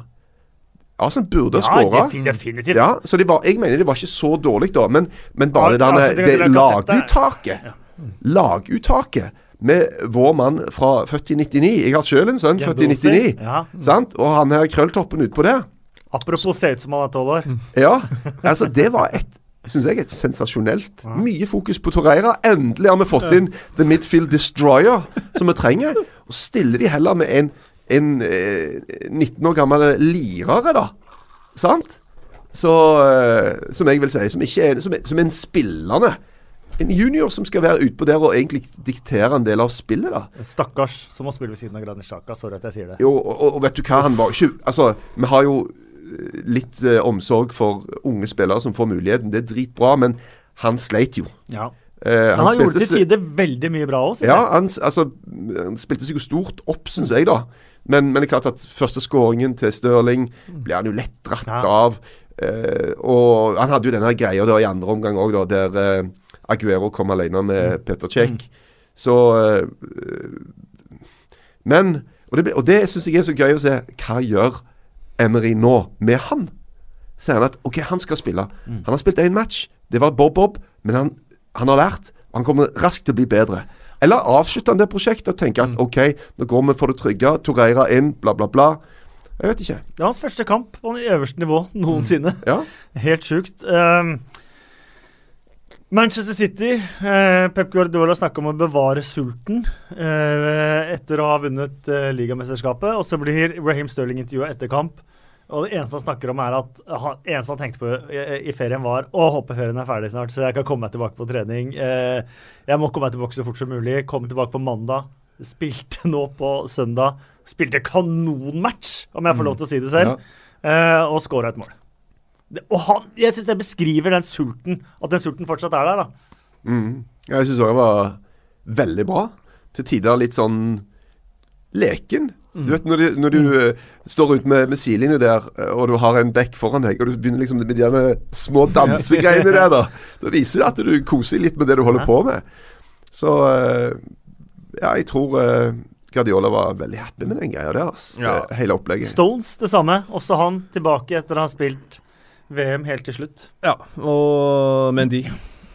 Men de uh, Ja, We want to bare- kill him uh, pga. sosiale medier-greier og sånn, sier uh, Det var morsomt for de som ikke har sett det på Twitter, så gå inn på Twitter og så se det. Uh, fordi at Manchester Citys offisielle eh, Twitter-konto siterer jo Pep Guardiola det Guardiola sier. Og der skrev de jo sånn Guardiola, kolon. Eh, sometimes you want to kill him, og han må ha mindre fokus på sosiale medier og bla, bla. Første svaret der var Mendy selv. Ops, I'm sorry! Ja. han er morsom, ass. Ja, det er en fet fyr, ass. Men- og en fet fotballspiller. To målgivende pasninger. Jeg har ikke regna Den den første- første. ja, han, han står nå med det i Ja, ja, men det er greit, men han ærlig talt, skal ikke gi han kred for den. Han raste framover, og han var Ja. jo eh, overalt på banen. Han var mer midtbanespiller enn Beck til tider. Men eh, Vi skulle plukke ut noen sånne folk som, som spiller som folk skulle stemme over i Premier League-studio. da, sånn eh, Dagens mann. Og så hadde vi no nominert noen, da, og Mendy var jo ikke blant de. Nei. Og det ble jo kjempeslakt. Han kunne tweeta 'oops, sorry' der Ja, også. Ja, det- og det må jo noen av oss ta litt selvkritikk. Ja, For jeg må innrømme det. Jeg må si Mendy er en spiller jeg har litt problemer med. Nei! Jo, Nei! fordi at han Du er ikke pakka. det er, han er så svær. Altså, han er, liksom, han er altfor stor til å spille den posisjonen. Det er et eller annet, Og så er det et eller annet med de der pasningene hans som er litt Saco-aktige. Han har, altså, Når du bretter foten så sykt til sida når du skal slå innside, så han nesten peker bakover. Det ser litt sånn rart ut. Og i tillegg så er han til tider litt tvilsom defensivt. Måten som eh, Beirin bare drar han av og kommer til en ganske stor sjanse i første omgang. Bob Bobos. Men jeg, det er, jeg, jeg, jeg må innrømme at det er ikke Mendy som, som det, det er jeg som må skjerpe meg. Eh, Men det er rart hvordan vi har sånn Enkelte spillere bare elsker vi. Og enkelte spillere bare henger vi oss opp i. Stirling nevnte vi. Utrolig mange som har hengt seg opp i Stirling og ikke liker Stirling. Noe jeg syns er veldig urettferdig. Og så har vi andre greier, som jeg med Mendy, som er urettferdig. Jeg må gå i meg sjøl, eh, og, og ja, så får vi se. Eh, men de ser sterke ut. Wolverhampton eh, tilbake i eh, Premier League siden 2012. Jeg husker jeg kommenterte Premier League da de var eh, oppe sist. De var ikke det festligste bidraget med Mick McCarthy på sidelinja der. eh, Ingen lag er festlig Rakna litt etter hvert og sånt noe, men nå ser de jo fryktelig festlige ut. Og Ruben Neves må vi ta to eh, ord om. Han også kommer opp fra championship, eh, og du ser han er en stjerne, rett og slett. Han ser ut som en stjerne. Alt de sa var sant, Mhm. tenker jeg med Ruben, Ruben Neves. Jeg hadde ikke sett han så mye i championship, og så ser han dominere fullstendig i sin første Premier League-kamp. Og ser jo hvorfor han var kaptein på Porto, nå- hvor gammel var han? da? 18-19 år i Champions League. Champions League er den Ja. yngste siden Rafael van der Fart, faktisk. For en fot. Altså Jeg syns alt han gjorde var bra. Han var, han var jo, det var han som var og plukka ballen etter den taklinga som ble rødt kort og sånn også. Så han var Aksjonsradiusen var mye større enn jeg hadde forventa òg, da. Så han kommer til å bli mer. Så er det vel sju mål han har nå utafor 16-meteren det siste Helt året. Så Vilt. Han skåra årets mål i engelsk fotball forrige sesong. Ja, Det var sykt, det målet der, Hvis du ikke altså. har sett det, så gå inn på YouTube og finn fram eh, Ruben Neves mål fra forrige sesong. Og det var bare dagen etter at Josh Murphy egentlig hadde gjort det. Å ja. ja, så jeg var litt bitter for det. Ja. Men hands up. Han eh, For eller da down, snakker vi eller i hva man tar hvert det. fall Vi snakker kanskje 35 meter. Ja, det helt vilt. Helt vilt. Så eh, Han ser bra ut. Keepertabbe fra Pickford på frisparkskåringa til Ruben Neves, eller eh, var det greit? Nei, det er ikke greit fordi at han gjør denne vanlige greia. Annen, altså Folk er jo redde for at de skal køle han over muren, og så i siste øyeblikk når skuddet kommer, så gjør du lite hopp til sida, og så bare klinker han i keeperhjørnet. Så eh, det er ikke enkelt. Og hvordan skal du se ballen? Er masse folk foran osv. osv. Men når han går inn der han gjør, så må vi se at Pickford, den skulle du tatt. Og du skulle i hvert fall ikke tatt hoppet til høyre. Richarlison, 40 millioner pund rett ut døra, eller kan han vise seg å være ganske god? det, kan vise seg å være ganske god i den første kampen, i hvert fall. Eh, han og Marco Silva, det, det er jo kjærlighet, det. det og en dynamitt, dynamisk duo, hvis en manager og spiller kan være det. Så foreløpig så ser han ut som han har vært eh, alle 40 millioner pund, men det er mm. grytidlig, da. Brighton starta sesongen eh, som forrige sesong med å tape 0-2. Watford eh, vant eh, greit. Roberto Pereira eh, viste seg å være en veldig god uh, fotballspiller, uh, han også. Ja, det har det i grunnen visst, Ja, men eh, men vi har venta på det i England, da. Ja, det er de, Watford har jo en god del sånne folk som har spilt i uh, ganske store klubber og vært litt her og der, og, og han er jo en av de. Og så liksom OK, litt her, spiller litt av og til, og så gjør han det bra litt, og så er han ute Treffer litt. Og, på 1-0 her. Ja, det var, det, begge målene er strålende fine, altså. Mm. Så, men jeg tenker at Watford det er en bra start for dem, for at uh, det prosjektet der er, er med Grazia og De kan komme til å trenge de poengene utover sesongen, Mm. altså. For jeg er ennå ikke overbevist om at eh, Watford kommer til å cruise i, i Premier League. Southampton Burnley 0-0. Eh, Mark Hughes litt eh, frustrert over at det ikke var noe særlig bite uh, framover, men positive innhopp fra to mann som kom innpå. Både Danny Ings og Mohammed Elionossi Moi, vår, eh, vårt norske bidrag. Eh, var med å sette fart på Mm. framover, og det er jo gledelig for både Mark Hughes og oss, det. Veldig overraskende hvis ikke han starter neste kamp. Mm. Uh, han var veldig god når han kom inn, og, men ellers så var det jo business as usual på St. Mary's, da, med null mål og Og Og Start som Nei, tenk at Southampton er blitt sånn, da. Ja, det er kjedelig. as usual og 0-0. Ja, men det er jo kjedelig at det har vet blitt det har sånn. vært sånn i så spiller Ja. du et lag som har vært i Tyrkia på torsdag ja. og spilt europaligakvalik. Sant? Du møter jo Altså, Burnley Dette er jo den første testen for de i forhold til det de skal gjennom nå. Uh, det er ikke sikkert de kommer seg i Europaligaen. Jeg tror de må Ikke snakke om at de måtte ha gjennom Olympiakos eller noe sånt i neste kvalikrunde. Så det er jo ingen bankers greie. Men, men nå viser de at de kan levere, da. På tross av at de har vært ute på tur med Joe Hart i mål og, og full pakke. Så eh, skuffende. Eh, jeg tippa jo Southampton under streken. Ja. Og eh, de, jeg tror det blir Det er ikke enkelt Slitt for straffe der, da. Eh, ben Mee og Dannings. Dannings Dan ville ikke gå Ville ikke si det selv om han eh, sa det, fordi at Ben Mee var så god kompis av han. Mm. Dannings har jo en fortid i Burnley, samme som Charlie Austin, andre Southampton-spissen. To ord om uh, Marcelo Bielsa i uh, Leeds. Det syns jeg Leeds-fansen uh, fortjener. De har drømt lenge nå. Nå har de jo nesten lov å drømme. Knuste Derby 4-1. Eh, Bielsa-fotballen som når det begynner å bli vinter og du spiller lørdag, tirsdag, lørdag, tirsdag, lørdag, tirsdag, så kan det bli tungt med spillestilen til Bielsa. Han sa vel det at eh, hvis, jeg hadde, hvis fotballspillere hadde vært roboter, så hadde mitt lag vunnet hver eneste gang. Det er bra. ja. Men han gjorde noe annet også som jeg syns er fint. Han uh, fant ut av hvor lenge en gjennomsnittsarbeider i Leeds måtte jobbe for å være på kamp bare for kampbilletten. Fant ut at det var tre timer for akkurat den inntekten for én kampbillett, Mm. og sendte sine spillere ut i tre timer for å plukke søppel, bare for at de skulle skjønne at faktisk folk må jobbe for å se de spille fotball. Ja. Han er en spesiell fyr. Han er jo en inspirasjon for eh, et utall av trenere. Hva han har betydd Mm. for fotballen Ja. sånn globalt sett, er jo helt sykt. Mm. Eh, så han har, ikke, han slitt bitte litt med egne resultater Mm. i det siste. Men denne Jeg så, leste bare sånn intervju med Frank Lampard. Og var sånn, OK, altså sjanseløst. De var bare så mye bedre enn oss. Altså, det var bare helt Sorry. Beklager. Og det er litt det samme Gary Rowett sa etter Ja, ja, Stoke-serieåpninga også, da de, da de knuste Stoke. Men uh, jeg så et sånt klipp øh, her om måten de spilte seg ut på. Det, det Leeds-laget der er jo omtrent det samme som de hadde i, i fjor. En ny spiller bare. Venstrebekken fra Mm. Wolverhampton, er det ikke det? Jo. Ellers er det samme folka som drev og surra rundt og sleit under Christensen og Mm. hvem det var. Man går jo surr der også, hvor mange managere de har. Så uh, Leeds-fansen de kan glede seg. Og hadde jo vært uh, Det sier man selvfølgelig om de aller fleste lag, men kjempegøy å få dem øh, opp i Ah, ringa jeg har Ja. en liste over championship-lag. Uh, Nå skal jeg for ikke fornærme noen i Premier League, så jeg ikke si hvem jeg har ut. Men vi har Derby, Nottingham Forest, Aston Villa og Leeds er fire lag jeg definitivt vil ha opp. Og det har vært morsomt med Sheffield-lagene opp. Det er mange lag der nede som har Så vært er det veldig gøy å få søndagen opp igjen nå, da. Ja, de har jo starta bra, De da. har starta bra, vet Ja, du. nå nede i League One. Nede i League One, nå er det nede og Snudde mot Charlton i serieåpninga der. Og 22 000 sesongbilletter solgt. Mange kompiser av meg som, eh, fra Sunderland som har kjøpt sesongbillett for første gang på mange mange år. Mm. Uh, 31 000 på Serie of første kampen. det er helt vilt. Ja, det, Det unner vi dem. Det unner i hvert fall jeg dem. ja. Og vi fortsetter nedover til, vi kommer til Highland League i Skottland. Er det sånn vi gjør det på podkasten i dag, eller? Vi trenger ikke det. Uh, vi kan nevne at uh, Wimbledon har starta med fire poeng på de to første kampene. Så kan vi også nevne at Joey Barton fikk sin første seier som manager med Fleetwood etter at han Mhm. tapte ligaåpningen hjemme mot uh, Wimbledon. Uh, og da Det var litt morsomt, for da ville han jo gjerne skylde på dommeren, og så sa han at han ikke gjorde det, og så gjorde han det likevel. litt. Yeah. It's not my style to blame the referee, but ja. Eh, vi lovte at vi skulle slenge noe terningkast på noen debutanter i Premier League, for de var det en del av i helga.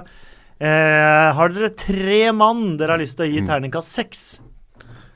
Ja, det blir jo det er Med fare for å være kjedelig, så vil jeg gi terningkast seks til uh, Richarlison, Keita og Jorginho. Det er de tre jeg har på min uh, liste, faktisk. Litt kjedelig, men uh, de var jo innmari gode, da. De var terningkast seks. Det var ikke noe dype der, følte jeg, i åpningsrunden. Da kan jeg ta Madison uh, istedenfor uh, Jorginho. Og det varmer uh... Terningkast seks! Ja. Så god. ja, men altså, det er jo ikke noe mellomting her. Nei, det, det, det, er det som er problemet. Kunne godt gitt han en femmer, men Ja, jeg får ja. ikke lov. Nei.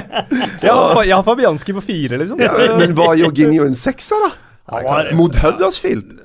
Men han- fryktelig i kampen god. var Nei, han veldig gjorde god. akkurat det han er kjøpt for, og, og det som er, gjør han så viktig i det Sarri-laget. Hvorfor gjorde han ikke det i, i uh, uka før, da? Nei, det kan man jo spørre eh, både han og Sarri om. Men Hvorfor det får fikk du ikke gjøre neste gang. Det er jo en, trening, det en treningskamp, da. Community Shield. det er jo et Ifølge Mourinho et stort trofé. ja, ja. Fortsatt, fortsatt treningskamp. Jeg har jo, jeg har, jeg har jo jeg har aldri, Stanken har aldri streivt meg å si at jeg har vunnet Community Shield. Altså, Det må du si. ja, men verst av alt, jeg gjorde jo ikke det heller, da. Nei, du tapte på, tapte på Nei, Nei, det, det ble 0-0. Og den gangen så ble det bare 0-0. Så bare delte man, ja. Så hadde vi Ja. trofé seks måneder hver. Mm. Sant? Så jeg kan kalle meg for sånn 0,5 Mm. eh, Community Shield-mester. Du er 0,5 bedre enn de aller fleste av oss. Eh, tre debutanter til terningkast 1. Klarte vi å finne det? Jeg klarte ikke å finne det, altså. Ikke til terningkast én. Uh, Ha, ha det hjertet til Torstvedt nå. Bytt ut det varme hjertet ditt okay. med eh, iskald stein. Det kalde, kyniske. Kalle kyniske. Jack Wilshere. Oi, det var kaldt! Ja, iskaldt. Iskaldt! Jeg veit det, men, Ja, ja. men er ikke han spilleren som er henta inn for at Westham skal være De skal jo pushe liksom topp sju, topp eh, seks. Da må jo han levere i de kampene der, da. Så det er iskaldt, så nå fryser jeg litt her, her jeg Ja. sitter, men uh... Og han fikk den derre doble Ja, ja, det- det er varianten ekstra der, iskaldt, Det er jo ja. fantastisk.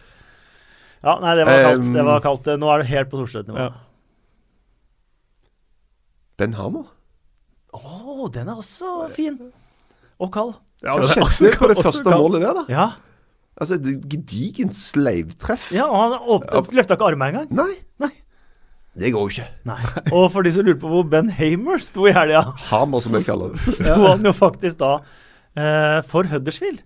Og og. Løssel var på benken. Og Løssel kjøpte de nå De hadde han jo på lån, men nå tok de jo kjøpte han eh, for godt, da. Mm. Og når du gjør det, så tenker du ja, men han er de godt fornøyd med. Ja, og han hadde jo kjempesesong forrige Han gjorde jo noen absurd store tabber, men det er bedre å ha en keeper som gjør to giganttabber i løpet av sesongen og ellers spiller kjempebra, Mm. enn å ha en som er involvert i åtte av ti veldig rare småting. Veldig rart. Og hadde jo den redninga mot nettopp Chelsea helt på tampen i fjor, som var Mm. sånn uh, Var det 100 Sant. sinnssyke Ja. Milliardredning. Milliardredning var det ordet jeg lette etter. Og det var jo før VM så, så var det jo litt sånn spekulasjoner om han skulle stå for Danmark, for han hadde jo hatt en bedre sesong enn Kasper Schmeichel. Så merkelig manøver. Oi, jeg snakket med Åge Hareide om det. Det var i hvert fall ikke aktuelt. Å nei, ok. Nei, det var så langt unna. Altså, det var jo bare helt Stryk det for det siste. Ja.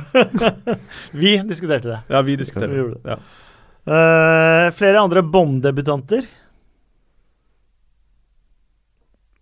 Nei. Nei. Nei. Fredericks? Sleit. Ja, men det er også kaldt. Det er også Ja, det er kaldt. Ja, det er kaldt. Det er kaldt. Ja, da er det liksom alle de som debuterte for Westham, da. Minus, minus Fabianski. Han gjorde en Han god kamp. terningkast fire. Han fikk terningkast er fire, ellers så syns jeg Ja, for én, da. Bare, ja, Andersson to. Tre. Du har litt for varmt hjerte. Ja, jeg har det. Jeg har det. Vi går heller over til noen faste spalter. Og da eh, rundens øyeblikk. Kan jeg få bare komme med én rundens øyeblikk først? Og det var eh, gjensynet mellom Roy Hodgson og Brede Hangeland. Eh, der Roy Hodgson på 72 spør Brede Hangeland eh, på 37, som det første han spør Hangeland om, How's your hips?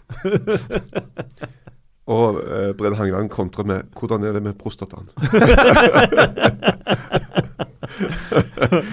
Rundens øyeblikk, klokkeklart. Uh, Jørgen Klopps feiring på sidelinja. Det er noe som har brent seg inn uh, på netthinnen til de fleste. Eh, for meg i rundens øyeblikk. Det handler ikke bare om det som skjer på banen, men det som skjer rett utfor banen. Eh, rundens øyeblikk for meg. Eh, Luke Shaw med en første touch som eh, han vel innrømmer at ikke er spesielt god. Jeg mistenker at skuddet er et innlegg òg, ja. men eh, for meg Nå, er, Jo, jo. nå har du blitt smitta. Ja, men minus og minus blir jo pluss. Nettopp! Ja. nettopp Og rundens øyeblikk, eh, selv om dine øy- øyne var tørre, Kasper, så tror jeg det var fuktig hos Jeg er enig. Jeg stemmer ned mitt forslag, og så stemmer jeg ned Erik Thorstvedt sitt forslag, og så blir det rundens øyeblikk. Fair enough. Jeg bøyer meg for demokrati. Det var moro å se på. Morata var kjempegod. Hva i all verden? Er. Han snakka ikke om seg sjæl, han snakka om dommeren. Rundens blomsterbukett, hvem skal vi gi til den? Hvem skal vi gi til den? Ja, jeg hørte det selv, og så sa at ingen skulle legge merke til det. Kaldt hjerte. Slipper ikke unna med noen ting som helst. Jeg har faktisk en som jeg syns fortjener uh, blomsterbukett. Og det er fjerdedommeren i Bournemouth uh, Cardiff, uh, Graham Scott. Uh, som måtte stå ved siden av Neil Warnock og holde orden på han i 90 minutter. Men det gjorde han så bra at Neil Warnock sa at Graham Scott var en fantastisk fjerdedommer.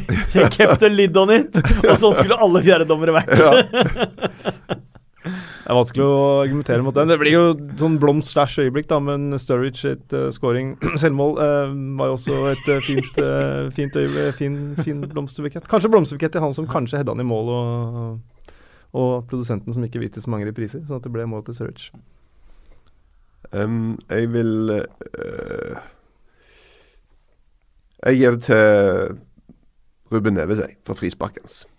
Eh, på et eh, Wolverhampton-lag som jeg må si faktisk skuffa bitte litt, eh, mot et timanns Everton, så uh, syns jeg det var en mangel på hva gjør vi nå? Altså, De hadde egentlig ikke den store offensive planen. Så uh, Motinho og Neves, som har enormt mye ball, og står på midten der og kikker og kikker, og så uh, visste de ikke helt uh, hva de skulle gjøre. Og får jo en strålende utligning da, som Mm. redder dagen, men men eh, jeg syns jo manageren til Wolverhampton òg er strålende etterpå, som han sier. Vi må lære. Dette var ikke godt nok, men vi skal lære av dette her. Han og bli er bedre. virkelig en karismatisk profil som Ja. folk kommer til å eh, forelske seg i løpet av Mm. sesongen, for de som ikke kjenner Nuno Espirito Santo, som betyr Den hellige ånd, vel, hvis du oversetter det. Den hellige ande. Den hellige ande. Eh, blomsterbuketten går til Graham Scott. Ja, ja. Eh, rundens ukjente helt. To kandidater, for det er de som ikke stjeler overskriftene så ofte. ikke Ja, sant? Uh, Wayne Hennessy er en uh, Ja, overskrift. Ja, Jeg syns han får litt ja. for lite kred, for, eh, Ja, selv om det er et, et utslitt eh, begrep. Men Og eh, de har kjøpt inn en egentlig keeper for å erstatte han, og så gjorde han det der. ja, var veldig god, i i hvert fall på vår, vårparten i fjor, og sto i en kjempekamp. Eh, Jeg mener jo at eh, Jeg har vært en av meningen at liksom, Crystal Palace må gjøre et eller annet på keepersida. Og så gjorde de vel denne dealen i vinter, tror jeg, mm. med keeperen til Getafe, som uh, nå kom. Eh, og da tenkte vi jo alle at her blir det et keeperbytte, og det gjorde de ikke. Og så vil jeg òg gi en liten blomst til han som satt som Nei, keeper. blomster er vi gitt. Å ja. Kan jeg gi han eh, en softis? Ja. til keeperen på benken til Fulham. Som Ja. heter Rico, Mhm. tror jeg. ja, Sergio Rico. Sergio Rico. For eh, han har blitt lurt. Ja. Han har blitt lurt, han. Fordi han Han, han har vunnet Europaligaen Ja. to ganger. Han var i landslagstroppen til Spania under EM i 2016. Han var med å slå Man United ut av Champions League forrige sesong. Dette er en bra mann. Og så har de òg henta en spansk keeper, Fulham, fra Besiktas. Eh, som jo alle trodde skulle være på benken. Men keepertreneren til Fulham har jobba med han før. Og der er det jo da selvfølgelig en link som sier at nei, nei, du er min mann. Han andre duden som tror han skal spille, han skal sitte og se på. Så her kommer han fra, på lån fra Sevilla, og rett og slett eh, så er det en annen spanjol som sniker seg foran i køen. Det tror jeg er et slag i trynet hans. Flaks for han at uh, Fabri hadde en uh, ganske stor tabbe på 2-0 til uh, Crystal Palace, men jeg er helt enig med deg. Idet jeg forberedte meg til kampen, så forberedte jeg meg som om Rico var førstekeeper. Mm. Og så er jeg usikker på hvem som var andrekeeper av Bettinelli og, og Fabri. Kan, jeg, kan jeg bare slenge en ukjent helt til? Ja. Hostelu hos eh, Newcastle. ja. Uh, Skåringen er én ting, men den pasningen hans uh, Ja, hvor han bare åpner opp hele altså, til Kennedy der, Den er helt sjuk, faktisk. den er helt uh, spinnvill. Eh, og han var jo forferdelig etter at han kom, til, kom fra Stoke i forrige sesong. Ja. Men her må vi allikevel medgi at Erik Thorstvedt hadde den beste kandidaten til ukjent helt. Det det gjør de. Jeg stemmer for det. Hvem var vil det? jeg si Hvem var at, det? Rico. Rico. Ja, ok. Ja. så vil jeg også si at uh, når Kasper sier at Fabri hadde en ganske stor tabbe på andre målet Den er drøy, Kasper. Nei. Ærlig talt. Nei. Å komme ut der, og så nøle på veien ut, og stoppe, og så komme ut igjen. Det er dårlig keeperspill. Det er og du kan få være med den i. keeperforeningen din, hvor du skal alltid forsvare keepere. Uh, men det der Dårlig. Men burde ikke Rico få blomst som plaster på såret, Uh, enn at han er ukjent? Nei, nå må dere er slutte, å, kjempe- nå må dere slutte å tulle til er dette. kjempeukjent! Han spilte jo ikke engang! Nei, rundens kaktus. Rundens kaktus. Kom Eh, igjen, da. et lite Anfield-publikum. Oi! Ja, jeg vet jeg, Nå, Kontroversielt. Ja, det er veldig kontroversielt. Ja. Eh, jeg syns det er dårlig gjort det, å pipe på Filippe Andersson hele kampen. Han får en arm i ansiktet. Han kaster seg ikke ned og ligger og ruller rundt. Han, han, han går bare ned på knæra. Det tror jeg 99,5% av fotballspillere blir gjort i samme situasjon. Og så blir han bua ut for det. Altså Bortsett fra det, så var det sikkert kjempestemning og alt mulig sånt, men det er unødvendig. Nå er jeg, nå er jeg, veldig, nå er jeg veldig varm i hjertet for Filippe Andersson. Da, så Og I tillegg så Det er min- de ikke for Karius. Nei, Nei, ja. han- gjorde ikke det. Ondskapen selv, Filippe Andersson. Så Flott. ja. Eh, Da er vi enige om det. Eh, Da kan vi gå over til neste faste spalte. Arsenals syv siste. Aldri skjedd. Første gang siden er den sjette spilleren. Fun factsene til Bill Edgar. Eh, Bill Edgar har ikke levert eh, så veldig bra denne gangen, så jeg må ha hentet litt uh, her og der. Uh, Så det ble mer rundens artige fakta enn eh, bare Bill Edgar. Men vi begynner.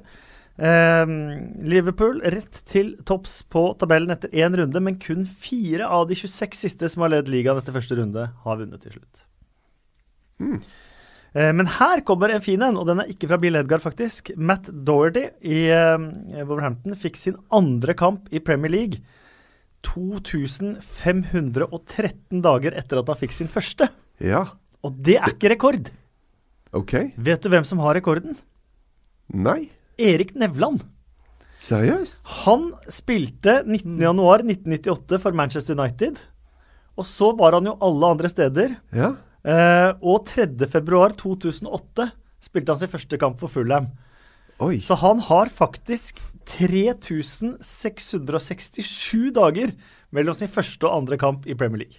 Det er ganske sykt. Det er ganske sykt! Hipp hipp for Erik Nevland, altså. Erik Nevland. Vår mann.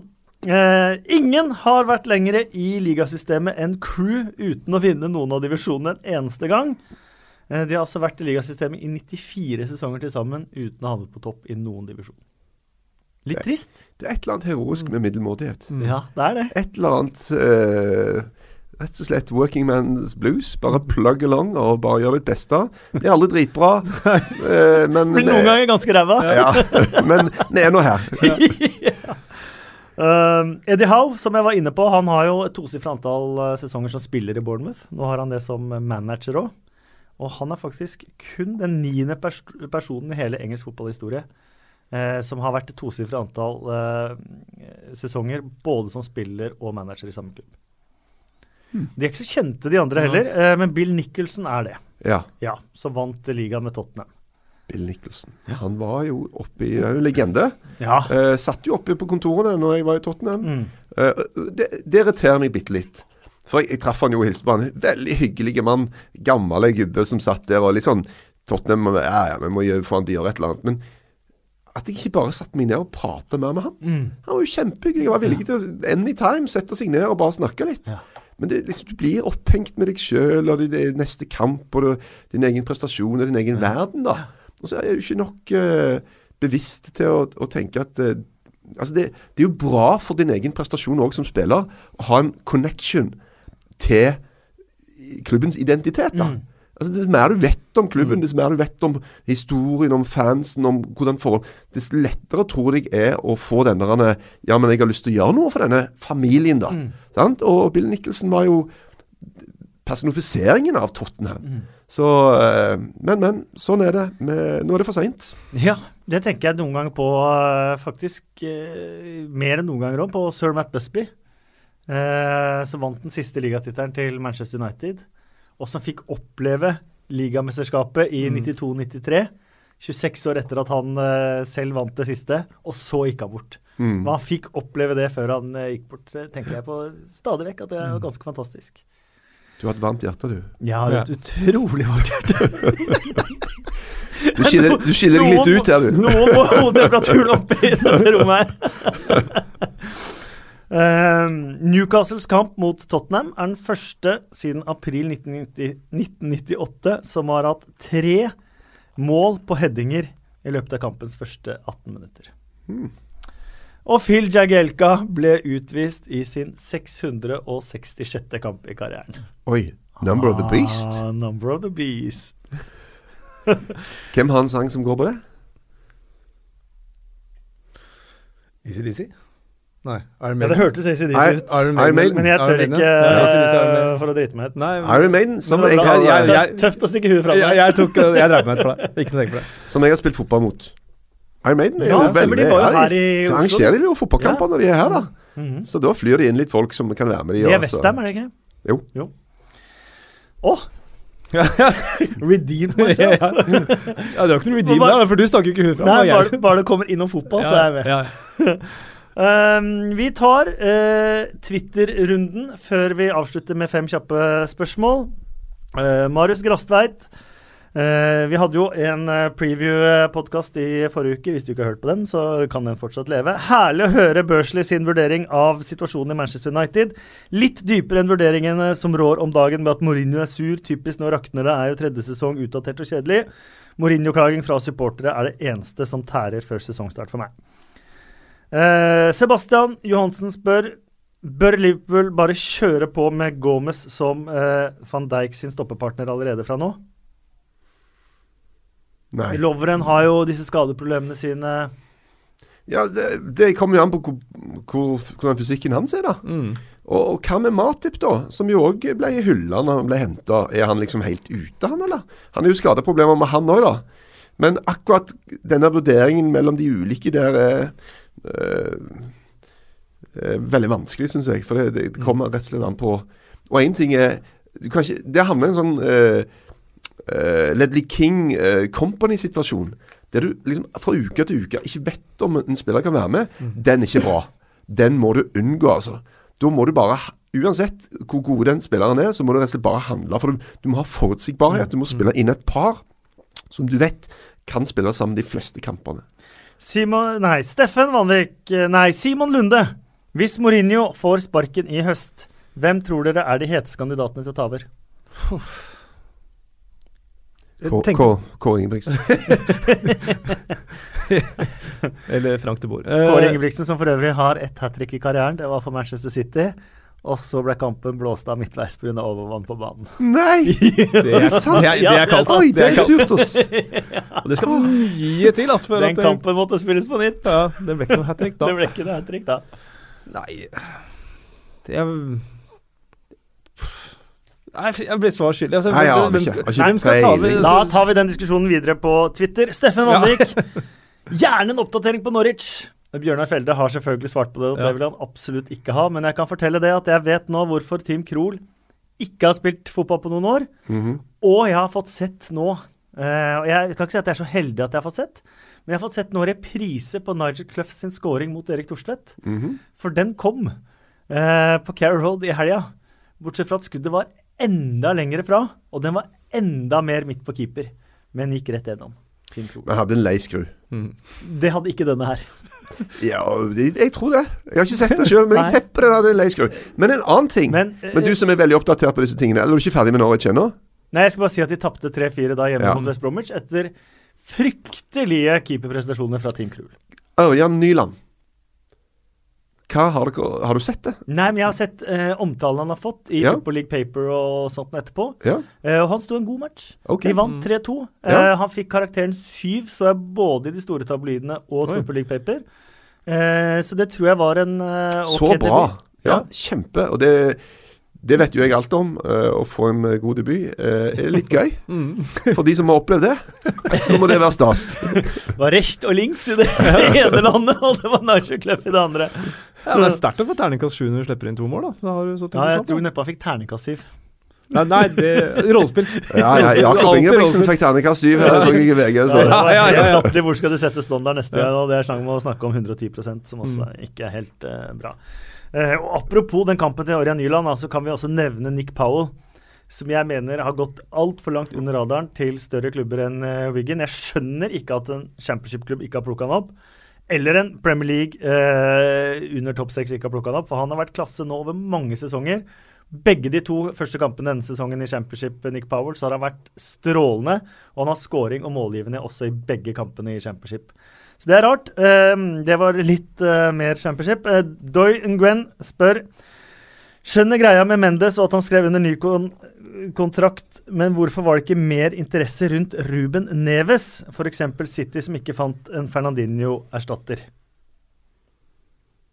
Nei, etter åpningskampen så er jo det et uh, betimelig spørsmål. Jo, men- men, så er han en del av et prosjekt òg, da. Og Ja. apropos altså, sånn, med Jorge Mendes og sånn, så de har jo ikke tenkt å gi fra seg noe i Wolverhampton.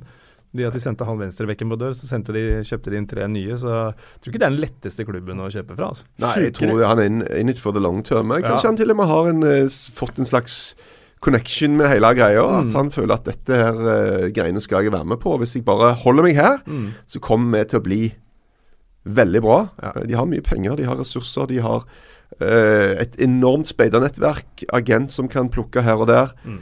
Uh, Wolverhampton eh, er, de er der for å, for å bli, altså. Ja, så er det Koko hvis han skal signere i championship, rykker opp og så Ja, nå drar jeg. Det, Det var spekulasjoner om det, da. Ja, ja. Fordi han var så god. Men, Fredericks gikk jo fra Fulham, som rykte opp til, til Westham. Ja. Uh, men uh, han tenker kanskje ja, OK, Fulham, mye penger de òg. Men, men Westham er en litt større klubb. Mm. Henrik Ekås Berge, hvilke lag overrasket dere mest positivt og negativt? Det var vel egentlig ikke noen overraskelser i åpningsrunden. Favorittene vant, og Mm. Ja, si Watford, da, vil jeg si. Selv om de spilte Ja. hjemme og sånn, så, så er det et, var det et svære spørsmålstegn rundt det prosjektet i forhold til fjor, altså sesongen Mm. sist. Så det er eh, en, en bra start. Mm. Da avslutter vi denne podkasten med fem kjappe spørsmål. Uh, før vi kommer til det, så minner vi om at vi er på Twitter. Uh, Twitter-kontoen til denne podkasten heter 2plpod. Hashtaggen er 2plpod. Um, gjerne eh, gå inn på um, iTunes og gi oss eh, stjerner hvis du syns det var bra. Drit i å gi oss stjerner hvis du ikke likte uh, podkasten. Da kan du holde deg unna. Eh, og gjerne anbefale oss til eh, andre også på sosiale medier og andre steder, hvis du syns vi er eh, OK. Fem kjappe spørsmål helt til slutt. Eh, understreker eh, kjappe, orker ikke lange svar her nå. Får Manchester City 100 poeng eller mer denne sesongen nå? Nei. Nei. Er Joe Hart tilbake i den engelske landslagstroppen i løpet av sesongen? Nei. Nei.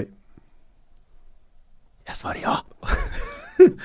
Hvor mange mål skårer Harry Kane i august 2018? To. Null. Hvem blir toppskårer i Premier League denne sesongen? Aubameyang. Harry Kane. Burde Premier League innføre VAR allerede fra neste sesong? Ja. Nei. That's it! Uh, hvis du hører på dette på tirsdag, hvor vi lagde den, så er det ligacup i uh, kveld. Uh, hvis ikke, så må du bare glede deg til runden som kommer. Lykke til med ditt lag. Vi er tilbake neste uke. Tusen takk for at du hørte på, og takk for oss.